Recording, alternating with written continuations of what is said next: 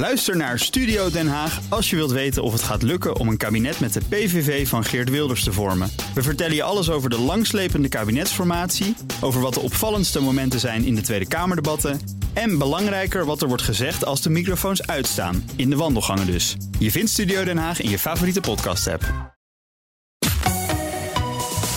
BNR Nieuwsradio. Boekenstein en de Wijk. Hugo Rijksma. De VOC zocht peper en nootmuskaat. Amerika werd onafhankelijk om suiker en thee. Hitlers levensraum? Koolzaadvelden. De Arabische lente was een broodoproer.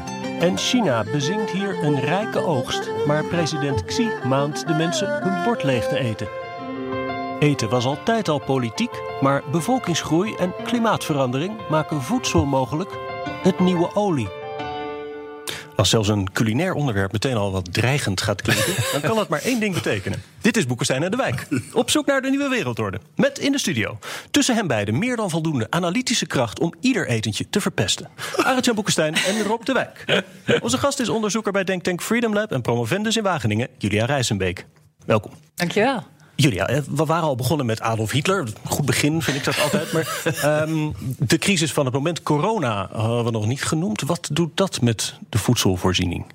Ja, dat laat ook weer zien hoe kwetsbaar het hele globale voedselsysteem is. En dat we dachten van ook oh, alles kan uh, just-in-time management en uh, we kunnen alles verschepen vanaf de hele wereld. En dan is er opeens een heel klein virusje en alles ligt plat. Ja, ik zat even te kijken naar de FAO Voedselprijsindex. Die staat op 105 punten. En voor de Arabische opstanden, die natuurlijk heel erg met die voedselprijs te maken hadden, stond hij op 106 punten. Nee, maar even eh, toch die vraag van in hoeverre dan? Hè? Ik vind een van de wonderen wat er gebeurd is bijvoorbeeld in Europa is dat uh, dat allemaal gewoon goed gemanaged is. En uh, in het begin van die coronacrisis ging je naar de Albert Heijn... er lag er helemaal geen fluit meer in de schappen. Dat was wel eventjes...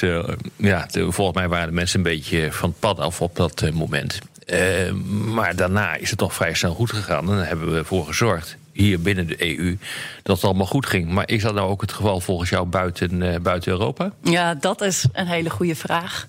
Je ziet inderdaad, en trouwens voor Nederland is het al eens eerder onderzocht... van in crisisomstandigheden kunnen we onszelf dan blijven voeden? Nou, dat kan. We kunnen geen rijst meer eten, geen alcohol meer drinken. Een paar andere tropische vruchten kunnen we ook niet eten.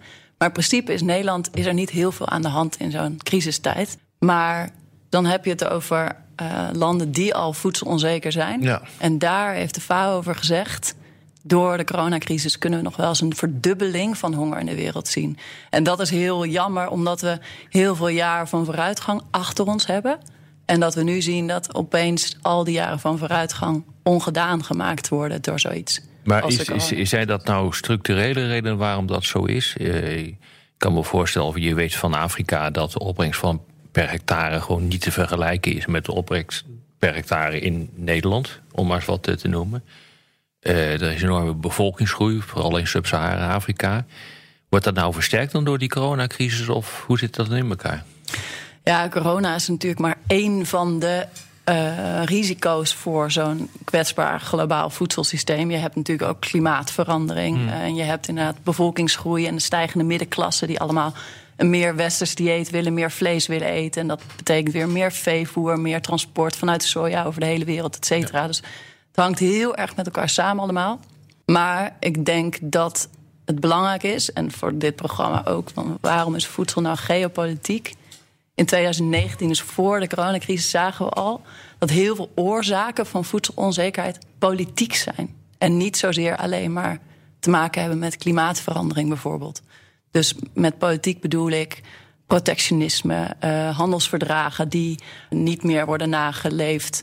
Maar ook conflict en instabiliteit in landen zelf. Is er echt een relatie tussen conflict en voedsel en landbouwgrond? Ik bedoel, dat klinkt meer 1520 dan 2020 in mijn oren.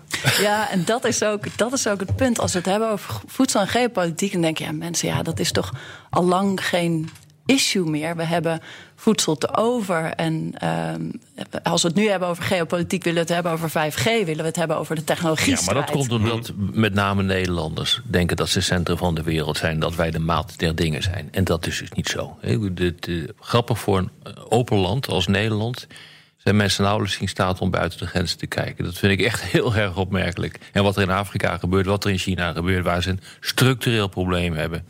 Nou, daar is helemaal geen discussie over. Ja, dus als we dan nu even gaan kijken buiten Nederland, inderdaad. We kijken bijvoorbeeld naar wat corona deed met Rusland.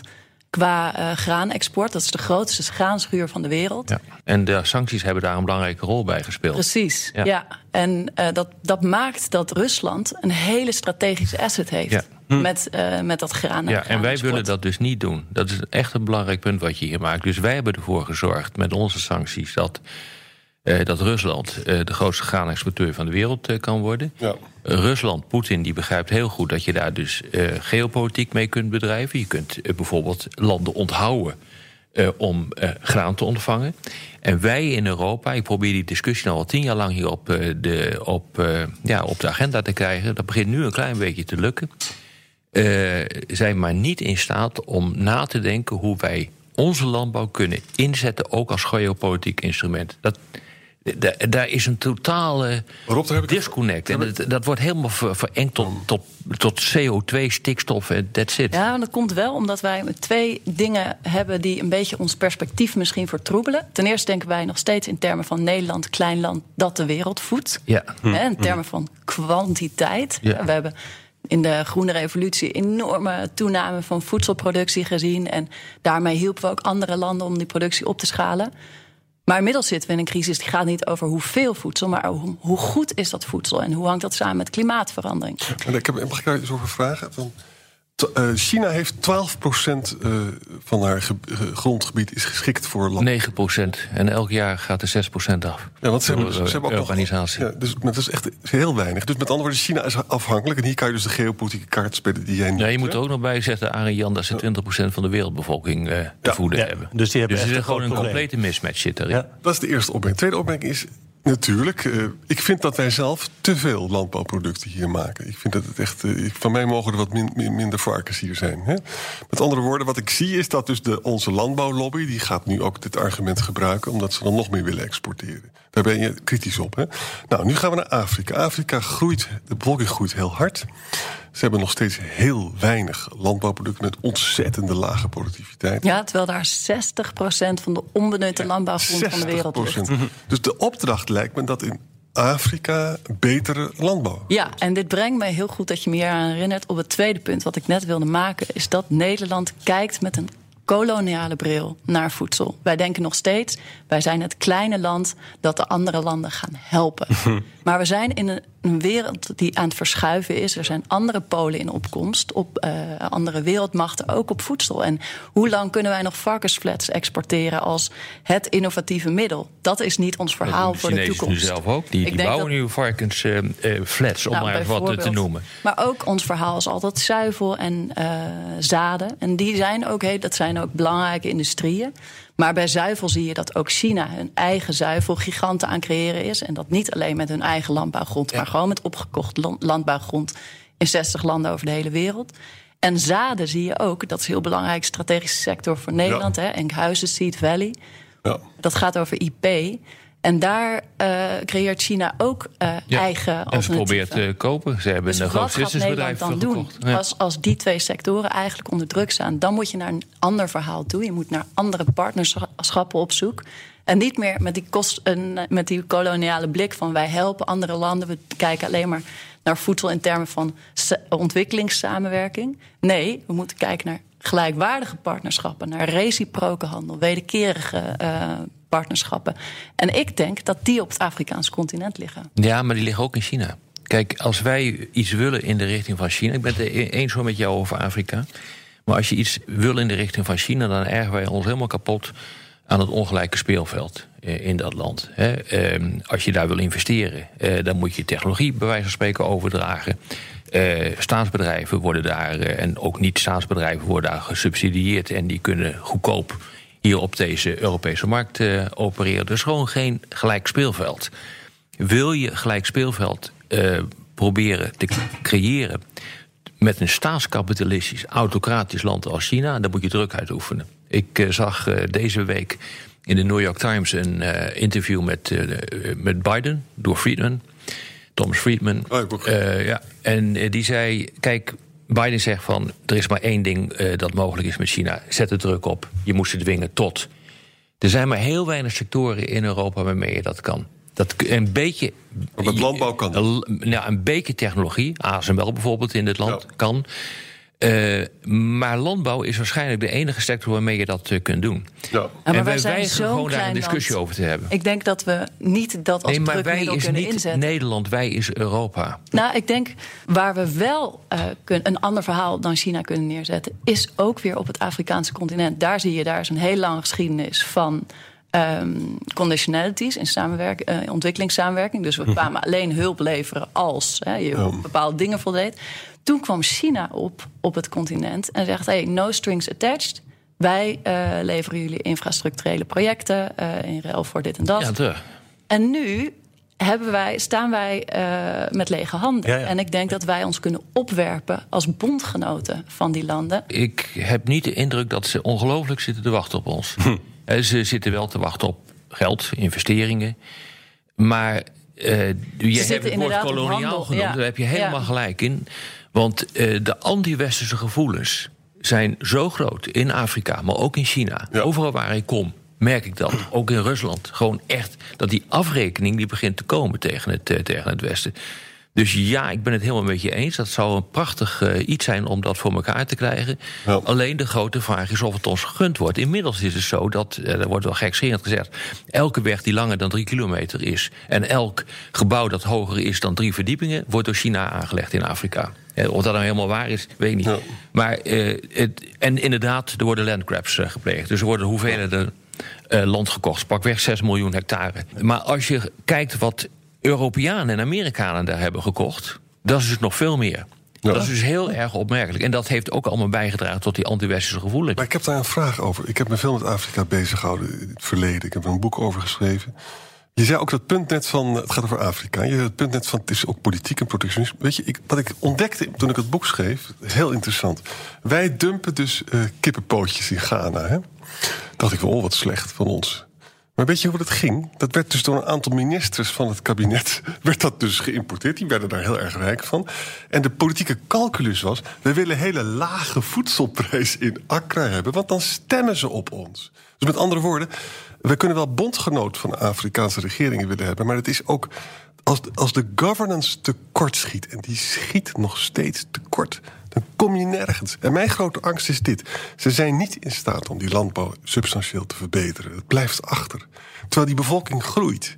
En dat leidt dus tot nog grotere migratie. Ja, daarom zou ik ook echt niet inzetten op enkel eh, projecten vanuit regeringen en samenwerking Ja. met de regering. Maar ik zou echt inzetten Ja. op die Dutch Diamond Approach. Dat is die aanpak van private, publieke en eh, ondernemingen samen. Ja. Ehm, en werkt- daar zijn wij heel nou goed echt? in. Werkt dat nou? Nou, daar kunnen we wel veel, eh, nog veel in verbeteren. Maar waar zit het grote probleem dan in? ook, daar is, ook daar is corruptie. Absoluut. En ik denk ook, eh, hè, je ziet nu Afrika, daar in het continent is een soort awakening gaande. Je hebt Ja. nu de Africa, eh, African Continental Free Trade Agreement die net afgesloten is. Dat is het eerste momentum om Afrika als integraal, als integrale markt te gaan laten werken. Dat hebben alle Afrikaanse leiders samen besloten. Nou, dat is een heel groot moment van emancipatie, zoals wij als Europa samenwerken met landen. Dat, dat zie je nog niet in Afrika. Dus daarom maar- moet er heel veel voedsel worden geïmporteerd door alle losse regeringen. En Maar alle... 30 jaar geleden hebben ze dat ook geprobeerd. Die geschiedenis is belangrijk. En weet je waarom dat soort dingen mislukken? Omdat de president zet zijn zoontje bij de grens neer. Want dan kan hij geld verdienen. Dat zijn gewoon oude corruptie. Met andere nu, het is fantastisch dat ze het doen. Ze moeten het ook doen. Maar het is de vraag of het daadwerkelijk van de grond komt. Ja, ik ben heel hoopvol. Ik ben eh, veel in Afrika geweest en ook veel met jonge leiders gepraat. En je ziet nu dat zij ook eisen dat die hele hoge leeftijd van de leiders, dat dat omlaag gaat. Het, het, het continent heeft een hele jonge bevolking en toch zijn er alleen maar oude Ja. leiders aan de macht. Net als in Amerika. En die, die, die jonge groene generatie is meer vocal dan ooit. Dus die heeft een hele sterke stem. Die is meer politiek actief. Die Ja, de vraag is wat het oplevert. Want eh, die jonge generatie kan natuurlijk ook gewoon op de loop gaan. Want we weten dus met name in Sub-Sahara-Afrika. dat is een van de grootste groeiers van de wereld. die landen. Ik bedoel, het is het groeicontinent, om maar zo te zeggen. Wat is het? 3,5% per jaar gemiddeld over alle landen? Iets in die geest is het. Ja. Dus echt heel veel. en tegelijkertijd ehm, heb je een probleempje met klimaatverandering, om maar eens wat te noemen. Dat grijpt daar ook hard in. Dus dat heeft direct gevolgen voor de landbouw. Brain drain? Uh, zeker, maar je hebt dus ook een groot probleem uh, met. Uh, met governance, wat jij hebt gezegd. Nou, als je dat allemaal bij elkaar harkt, ja, dan krijg je gewoon sociale onrust. En dan gaan mensen onder op de loop. Of ze, of ze komen in opstand. BNR Nieuwsradio. Boekenstein en de Wijk. Op zoek naar de nieuwe wereldorde. Dit is Boekenstein en de Wijk. En dat programma is natuurlijk niet zonder Arend Boekenstein en Rob de Wijk. Mijn naam is Hugo Reitsma en onze gast is Julia Rijzenbeek, promovenda in Wageningen en onderzoeker bij Freedom Lab. En even nog tussendoor, Julia, wat, wat doet Freedom Lab? Wij zijn een geopolitiek en technologisch denktank. Helder. Um, Klimaatverandering. En we hadden in het begin ook al eventjes over de Arabische opstand als een soort broodoproer. Toen was door extreem weer de graanoogst in Rusland dus mislukt. En tegelijkertijd een groot deel van de VS-oogst ging naar bioethanol. Was die Arabische lente ook ergens dan een soort klimaatcrisis? Ja, dat wordt wel gezegd van Syrië. Om maar eens wat te noemen. Nee, de Arabische, Arabische lente, waar je eigenlijk gewoon absoluut niet over mag praten, want het was helemaal geen lente. Het was gewoon inderdaad een broodoproer. Die kwam gewoon omdat er een all-time high was van uh, prijzen op grondstofgebied, energiegebied. En dat vertaalde zich door naar hoge voedselprijzen. Maar dat, daar was maar één echte oorzaak uh, voor, en dat was de opkomst van China. De grote vraag uit China, en dat, dat wordt vaak vergeten, dat dus die, die opkomst van China een directe aanleiding is geweest, via een omweg uiteraard, voor de Arabische opstanden. En dat is iets wat we veel eerder hebben gezien. Dus op, op zich is het allemaal niet zo vreemd dat dat gebeurd is. Alleen wij denken in dit deel van de wereld, oh dat is een opstand dat mensen vrijheid en democratie wil. Dat is gewoon lul. Dat is gewoon niet hebben we eerder zo behandeld. Wordt deze situatie, Julia, verergerd door klimaatverandering? Heeft dat een duidelijke gevolg voor oogsten? Ja, zeker. Dus uh, klimaatverandering leidt weer tot inderdaad misoogsten, leidt tot instabiliteit, leidt ertoe dat die rurale bevolking naar de stad trekt, dat daar weer conflicten ontstaan en instabiliteit. En dat uh, als, als voedselprijzen stijgen en voedselonzekerheid toeneemt in een land, dan is dat een heel groot risico voor de leiders daarvan. Dus ook dat, dat, zien we nu, maar dat is altijd in de wereldgeschiedenis het geval geweest. Je begon deze aflevering met, met China en, en dat lied en ja, daar zie je ook bijvoorbeeld eh, de leider, de keizers in China, die hadden het uh, mandaat onder de hemel als ze voor voldoende voedsel voor hun mhm. volk konden zorgen. Ja. En als je, dat uh, als je dat niet kon, dan raakte je dat mandaat kwijt. Dus dat, het hangt heel erg samen met de legitimiteit van macht. Ja, en China maakt zich duidelijk zorgen gezien die campagne deze zomer van eet je bord leeg. Ja, en er, komt, er komt nog water bij, wat ongelooflijk interessant is. Dat speelt dus zowel Turkije, zit met het water te manipuleren, heeft Iran last van, heeft Syrië last van. Soudaan, heel veel van de ellende daar heeft met water ook te maken. En de manipulatie van de Nijl natuurlijk. En ook China heeft daar problemen. Ja, dus... water wordt steeds strategischer middel, dus eigenlijk. En ook daar heeft Nederland hele grote kansen. Wij hebben zoveel expertise op het gebied van, van water. Niet alleen op dijken bouwen, maar ook water en voedsel. Denk aan, aan Texel, denk aan de zilte landbouw, denk aan de zeeweerindustrie, denk aan uh, ontzouting, denk aan uh, slimme irrigatiemethodes die er in Wageningen worden bedacht. We hebben daar zoveel te bieden op dat vlak om landbouw en voedsel en water om die nexus minder kwetsbaar te maken. En strategisch inzetten kunnen we niet. omdat er gewoon geen industriepolitiek is in dit land. Uh, de politiek is niet meer in staat tot enige vorm van strategisch denken. Daar kunnen ze gewoon niet. Uh, dus daar zit er echt wel een probleem in. Dus je, nee, bedoel, we hebben alles. Je zit in een fantastische situatie. En vervolgens kunnen we niks, omdat we een stel politici hebben die niet in staat zijn om om na te denken op een iets andere manier uh, dan. Ja, maar de urgentie was niet groot genoeg tot nu toe. Dus we nee, konden voedsel zien al, of jaar, hoor. als export of als ontwikkelingssamenwerking. Maar nu alles zo op scherp staat en voedsel steeds meer strategisch uh, asset wordt in de wereld is Nederland daartoe gedwongen om daar echt een ja, strategie te Ja, maar dan moet je dus wel andere politici hebben. Die daar ook daadwerkelijk toe in staat zijn. En ik zie, nou ja, Arend Jan, kijk, dat is onze ja, we kijken politici. Daar, van de kijken onmiddellijk naar. Arend Jan gaat het. Kom op, uh, zeg, zeg ook eens wat hierover. Maar, maar, dat moet, waarop? Het moet, het moet Europees. We moeten een strategische uh, Europese handelspolitiek hebben. En vergis, vergis je niet, kijk, ik ben erg kritisch op ontwikkelingssamenwerking, jij ook. Eh, er is de EU die spuit met ontwikkelingsgeld. Gaat om miljarden werkelijk. Hè? Nou, om dat alleen al goed weg te zetten is bijna onmogelijk. Hè? Jij zegt heel terecht van, als je het doet, dan moet het reciprook zijn. En het moet niet meer koloniaal zijn. En, en jij zegt ook terecht, het is de, überhaupt de vraag of je daar nog wel iets kan doen. Wij, wij hebben een systeem gecreëerd, niet alleen in, in, in Nederland, waarin dat strategische denken en, en nadenken over je positie, over de positie van je land in de wereld en in Europa. Uh, dat is gewoon weg. En wil je over dit nogal belangrijke onderwerp, want dit is zeer bepalend voor onze toekomst, ja. uh, gaan, gaan nadenken en besluiten gaan nemen, dan, dan be, dan is daar allereerst kennis voor nodig. Dat is wel handig op zich, dat je er gewoon wat van weet. Die kennis zit niet meer in de Tweede Kamer. Nee. We hebben een China-notitie gezien van, van Blok, minister van Buitenlandse Zaken, waar landbouw niet in voorkomt. Mijn instituut heeft eraan meegewerkt. We hebben het argument gemaakt van zet de landbouw erin. Dat is een van de weinige instrumenten die je hebt. Niet. Uh, dus ik ben daar heel, ik ben daar heel, uh, uh, ja, heel sceptisch over hoor, wat die kan. En wat ik zo'n enge gedachte vind van... stel je voor dat de good governance niet verbetert. Nou, laten we wel zijn, governance is ongelooflijk moeilijk van buitenaf te verbeteren. En het is ook nog eens een keer zo dat, dat, dat het een heel lang proces is. Hè. Nou, wij gaan door met allemaal dingen niet te doen. Dan zie ik dus gewoon aankomen in Afrika... dat de migratiedruk nog veel groter gaat worden. Ja, dat, dat zeker een probleem of een toekomstscenario. Ik denk dat we nog te zeer denken aan, oké, voedselonzekerheid, uh, uh, mensen willen wegmigreren. Dat is, dat is misschien een beetje een eenzijdig verhaal. Ik heb, ben hoopvol omdat ik dus denk dat die jonge generatie er anders naar kijkt. En ook naar het governance vraagstuk.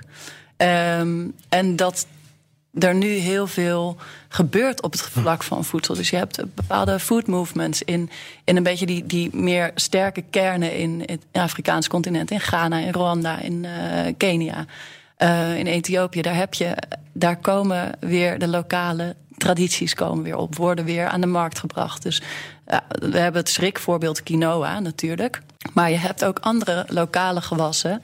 Denk aan de, de, de banaan of denk aan fonio. Die steeds meer daar worden gebruikt door chefs, worden neergezet als het nieuwe voedsel. Waarom zouden we alleen maar aardappels en pasta moeten eten? En uh, alles wat we kennen in het hmm. westerse menu. Dus het, de wereldorde verschuift. Dat betekent ook dat andere landen meer uh, emanciperen en weer kijken naar hun eigen tradities. En dat ook weer terugbrengen in hun uh, dieet en menu. Van, van Hitler naar quinoa. Een mooie afronding. Althans op de radio. In de podcast gaan we door met luisteraarsvragen. Luistert u op de radio, dan verwijs ik naar Apple Podcasts, Spotify of boekensteinendewijk.nl. Jelle Andriessen vraagt de heer De Wijk. Stelt vaak dat de EU haar agrarische kennisvoorsprong veel meer moet inzetten. Nou, het is al opgevallen. Ja, dat, uh, dat, vind ik wel mooi. Dat mensen dat nu uh, begint op te vallen dat, dat ik Jelle, dat zeg. Ja. Het heeft gehoord. ja. Minister Blok misschien niet. Jelle Andriessen wel. En die zegt uh, LTO en andere organisaties en bedrijven... die vermarkten juist die kennis. Moet de Nederlandse overheid hier niet actiever in zijn zoals met ASML? Nou, je moet de, nou, de Nederlandse overheid niet eerder is helemaal niet actief met ASML. Dat is Trump. Die is actief met ASML. Want die wil namelijk niet dat de lithografiemachine naar China wordt. Uh, uh, wordt ge, geëxporteerd. Maar dat is natuurlijk een vraag die de Nederlandse regering zich ook had moeten afvragen of dit nou wel zo verstandig was. Ik bedoel, wat het antwoord is, maakt me even niet uit, maar die vraag moet je wel stellen. En dat zou je eigenlijk ook in Europees verband uh, moeten doen, want Nederland kan op zich geen deuk in een pakje boter slaan. en wat was nou ook weer de vraag? Of onze kennis niet eerder moeten beschermen. Ja, je uh, moet die kennis ook beschermen. Net ook is het voorbeeld genoemd van zaadveredeling. wat is een van de grote technologische assets is... die een land, niet als alleen Nederland, maar die, dat bestaat ook in het buitenland... Hoe heet dat Zwitserse bedrijf? Genta, is, Samen gaan met China. Ja, die is dus gewoon die is verkocht, 2 miljard. Ja, maar China heeft dat vermogen om dat soort partijen op te kopen. En inderdaad moet Nederland daarop letten dat ja, we niet worden exact, opgekocht. moet je verschrikkelijk maar letten. ik denk niet dat we op het ouderwetse uh, model van IP kunnen blijven inzetten. We gaan, uh, Europa had ook een idee van... Uh, uh, common data spaces, ook op landbouw. Ik denk dat we veel meer moeten toegaan naar een open source manier van kijken naar IP. Ja, dat is heel erg leuk. Maar hoe ga je dat dan doen met een land genaamd China, dat autocratisch en staatskapitalistisch is, waar dus de economie politiek is en waar het en gaat daar om moeten macht we dus meer kijken naar Europa, want wij zijn ingebed in Europa. Ik bedoel, we kunnen niet alles zelf. We zijn een ontzettend Klopt. klein landje, had ik net ook al genoemd. En Europa heeft een hele grote, is een hele grote supermacht op het gebied van voedsel.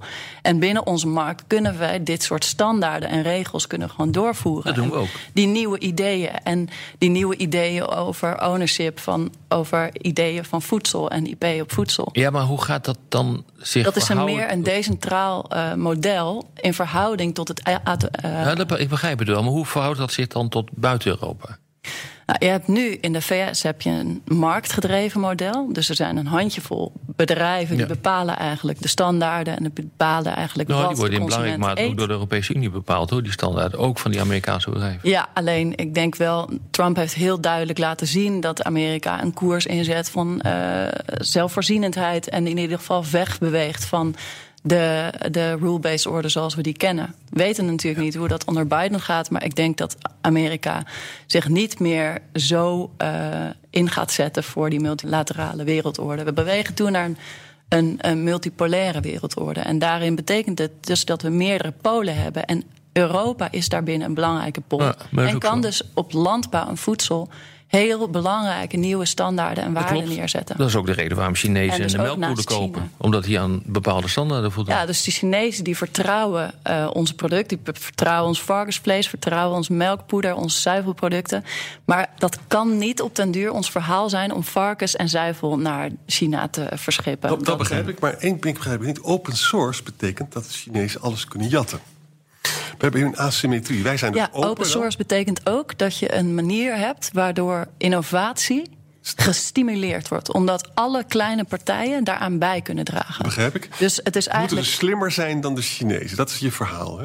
Nou, dat wordt heel erg lastig hoor. Dat wordt lastig. Dat Omdat, het de staats, omdat de economie staatsgedreven is. En ook innovatie is in belangrijke mate staatsgedreven. Wordt dat heel erg lastig. De het volume is gewoon groter. En ze hebben 1,4 miljard mensen. Er zitten heel veel Dat briljante is, mensen het, tussen. dat is het. Je kan niet als Nederland zeggen: wij gaan eh, tegen de, eh, de Chinezen concurreren. Je kan wel zeggen: Nou, dat samen met Europese wel, landen Ja. kunnen wij Ja. een manier, een ander model neerzetten naast het Chinese model. Ja, dat, dat ben ik volstrekt met je eens. En dat hebben we al gedaan. En dat dan, is groot, dan de echt grote gedaan. vraag wat Amerika gaat doen.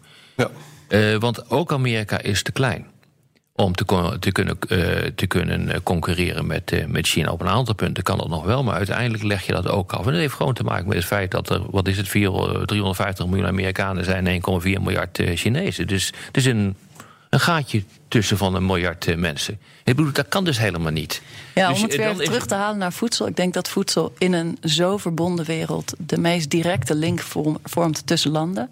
Dus ook een wereldmacht als China gaat van allerlei landen afhankelijk Nee, maar blijven. dat, maar dat hebben ze al, dat formeel beleid. In en landbouw. 2018 hebben ze formeel eh, bepaald dat ze niet meer onafhankelijk, autarkisch willen zijn op het gebied van de voedselvoorziening. Maar dat ze dat willen gaan dat doen via het stap- de nieuwe, ja. de nieuwe zijderoutes. Dat is een hele grote stap. Dus China is een land wat heel lang heeft gezegd: we bemoeien ons niet met de wereldorde. We bemoeien ons vooral met zelfvoorzienend zijn. Mhm. We proberen ons eigen volk te dienen. Maar dat kan niet meer met zoveel Chinezen. En daarom is die go-out-strategie eh, van Xi er nu... en die eh, Belt and Road Initiative... is dat nu zo'n belangrijk verhaal. Ja, maar dat is wel echt een ander model die tegenover een westers model wordt eh, gezegd. Ook al zegt nog- hij van niet. Een paar andere vragen behandelen. ja, het is wel interessant. Ja, maar Rutger Pannenkoek heeft een echte Boekenstein aan de wijkvraag. Die wil weten of er ook een scenario denkbaar is... waarin China, gedreven door voedseltekorten, een oorlog start. Dat is een goede vraag. Ik denk het niet. Ik, dan zouden die landgrabs die ze doen... maar die vallen eigenlijk nog wel mee hoor in de wereld, die landgrabs van China. Andere landen doen meer. Dan zouden die dus daartoe moeten leiden. Ja, dat, ik, ik denk het niet. Ik denk dat dat veel meer... eh, eh, als er een shit ontstaan en er, eh, er een oorlog ontstaat... dan moet je kijken naar de Zuid-Chinese zee. Maar niet, maar niet landgrabs in Afrika. Ik denk niet dat oorlog voeren in eerste instantie... op de prioriteitenlijst staat van een land... wat zoveel uitdagingen heeft. Hmm, innovatie hebben we ook al een beetje behandeld. Oh, nog een Rusland-vraag. Even kijken, John Wingfield. Rusland heeft zich in korte tijd ontwikkeld tot de graanschuur van de wereld. Gaan we over een paar jaar afhankelijkheid van het Russische gas over op afhankelijkheid van het Russische graan? Nou, beide denk ik. Ja. En, wij, en wij maar denken dat we heel snel van het gas afkomen in dit eh, land. Maar dat is natuurlijk ook niet zo. Daar komen ze nu bij economische zaken ook achter dat dat niet het eh, geval is. Ze, Tot, eh, tot diep in deze eeuw, zeer, zeer diep in deze eeuw, is gas nog. Dat hadden ze ook wel wat eerder grondstof. kunnen zien ja, dat aankomen. had je natuurlijk allemaal van tevoren kunnen weten. Maar goed, ik heb net al eh, zitten kankeren op eh, de Nederlandse politiek. op het strategisch vermogen. Dus dit kan er ook nog wel bij.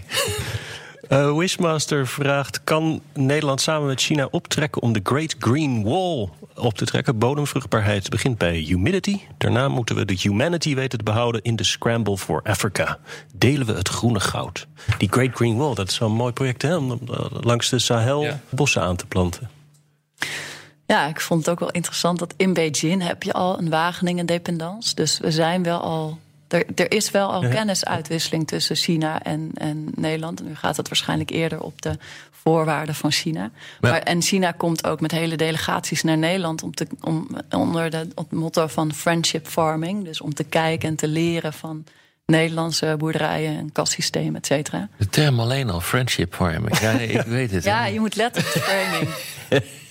Heel Chinees. Win-win, dat is er ook zo eentje. Lodewijk Hof vraagt: Zorgt gesloten grenzen niet voor ineenstorting van de voedselvoorziening? Zie de situatie in de Stille Oceaan. Ik weet van Lodewijk dat hij altijd heel gefocust is op de Stille Oceaan. Maar protectionisme, eh, handelsoorlogen. Ja, gaat nou ja, voorlopig ik- waarschijnlijk er niet, is natuurlijk eh, ook in, in, in, eh, in verband met COVID is er een discussie, ook in dit land natuurlijk weer ontstaan, over zelfvoorzienendheid. Nou, als alle landen dat gaan doen en je hebt ergens een mishoofd, dan gaat dat land gewoon dood. Zo simpel is dat. Je, je moet gewoon exporteren. Die, die handelstromen, die moet je op gang houden. Gebeurt dat niet? Ja, ik denk dat als Dan- dan- coronacrisis dan- dan ga één ding heeft laten Dan ga je zien... gewoon dood op een is gegeven wel moment. dat zelfvoorzienendheid echt een illusie is. Ja, en dan ga je terug naar, eh, laten we zeggen, eh, het midden van de vorige, eh, nee, van twee eeuwen geleden, 19e eeuw. De de 1848 grote opstanden, dat kwam onder andere door misoogsten. Hè, dus eh, ja, Kunnen we niet kweekvlees doen en zo? Weet je, dat iedereen in zijn eigen kastje thuis gewoon allemaal eten maakt. Kan dat technologisch? Nou, ik vind dat wel... eh, Kijk, we moeten natuurlijk naar ander, eh, andere proteïneconsumptie toe. Ja, je zit te lachen, maar ik denk dat het een heel goed punt is wat je maakt. Want eigenlijk, als je kijkt, zoveel vlees eh, consumeren... hè, in de westerse, wat westerse consumenten doen... dat hangt zo nauw samen met klimaatverandering, met ontbossing... met eh, luchtvervuiling, met ja, heel veel problematiek. Als je daar nou een plan voor maakt voor Nederland, dus echt die vleesconsumptie om. Dus eh, kijken we naar alternatieve proteïne. Nou, kweekvlees misschien een optie om die transitie te maken. Maar ik denk dan veel breder. eh, maar wat is nou het- eigenlijk het echte probleem hiervan? Van de Nou ja, vee waarom we deze discussies hebben? Is dat nou CO2-uitstoot? Eh, wa- wa- Wat is dat nou? Nou, Oké, terug naar corona. Dat zie je weer. Het is een hele grote gezondheidscrisis. En het is een ecologische crisis. Daar hangt het mee samen. En waar vindt dat zijn oorsprong? In dat we niet goed met de planeet omgaan. Dat er zoonotische aan virusuitbraken ja. ontstaan, Ja. et cetera. Nou, waar hangt dat weer mee samen? Dat we ecosystemen te kwetsbaar maken. Dat we eh, grootschalig ontbossen. Dat we monoculturen hebben, et cetera. Dat er te veel eh, uitstoot is. En als je Maar kijkt, dan ben ik nog steeds niet terechtgekomen bij vlees eten. vlees eten. Vleesindustrie is gewoon de meest vervuilende en daar en eh, Heel veel graan sector. nodig om een kilootje vlees te krijgen. Nou, bijvoorbeeld. En klimaatverandering zorgt ook weer voor dat eh, voedsel eh, meer, minder zeker is. Dus het Weet je, hangt- weet je wat ik zo erg eigenlijk vind? Ik ga even als een oude man praten. Wat, wat is het toch dysfunctioneel geweest de afgelopen tien jaar... met al die mensen die klimaat liepen te ontkennen. Ik heb ze allemaal meegemaakt. De Hansla Boomers van deze wereld. Ja, die, die Bolkestein ook wist te overtuigen. Hè. Nou, Thierry Baudet ging ook gelijk die jongens allemaal doen. Dat is gewoon echt een heel serieus probleem aan de gang. ja, heel veel tijd verloren. We hebben heel veel tijd verloren. Maar Oh, dat wilde ik zo. bij. Tom Maar dat heeft, dat heeft op zich heeft dat weinig met Labome of met- Baudet te maken. Die Je- spelen gewoon in op sentimenten. Ja, maar grote maatschappelijke veranderingen zijn gewoon moeilijk. Om die voor elkaar eh, te krijgen. Met, met die klimaatverandering ben je gegaan van een discussie over. Zouden we klimaatverandering kunnen krijgen? Naar een van, nou, we moeten nu wat gaan doen, want anders gaat het mis. Naar eentje waar we nu in zijn gekomen van, we moeten de grootste catastrofes voorkomen. Ja. En dat gaat dus gewoon gebeuren. En, en, maar dat, is, dat zie je in hele grote mondiale bewegingen zie je dat altijd gebeuren. Dus of, de, of je nou wel of geen labooms op van deze wereld hebt, dat gebeurt altijd. Omdat uh, het bijna onmogelijk is om je belangen te accommoderen in een grote transitie. Dat, dat lukt bijna niet.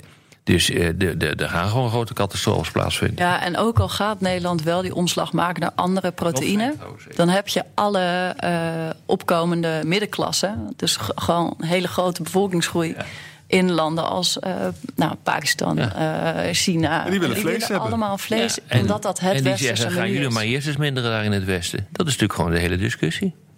Tot slot nog even een compliment van Wishmaster aan Freedom Lab. Um, hij zat te lezen het visiedocument De Veerkrachtige Wereld. Het post-corona-tijdperk in vier scenario's. Maar hij wees erop dat in geen van die vier scenario's de derde wereldoorlog komt. Ja, dat, is inderdaad, dat kan toch niet kloppen? Da daarom deugen die scenario's ook gewoon niet. Dit was weer Boekenstein en de Wijk. Namens Arend-Jan Boekenstein en Rob de Wijk zeg ik dank voor het luisteren. Speciale dank aan Julia Rijsenbeek. En tot volgende week.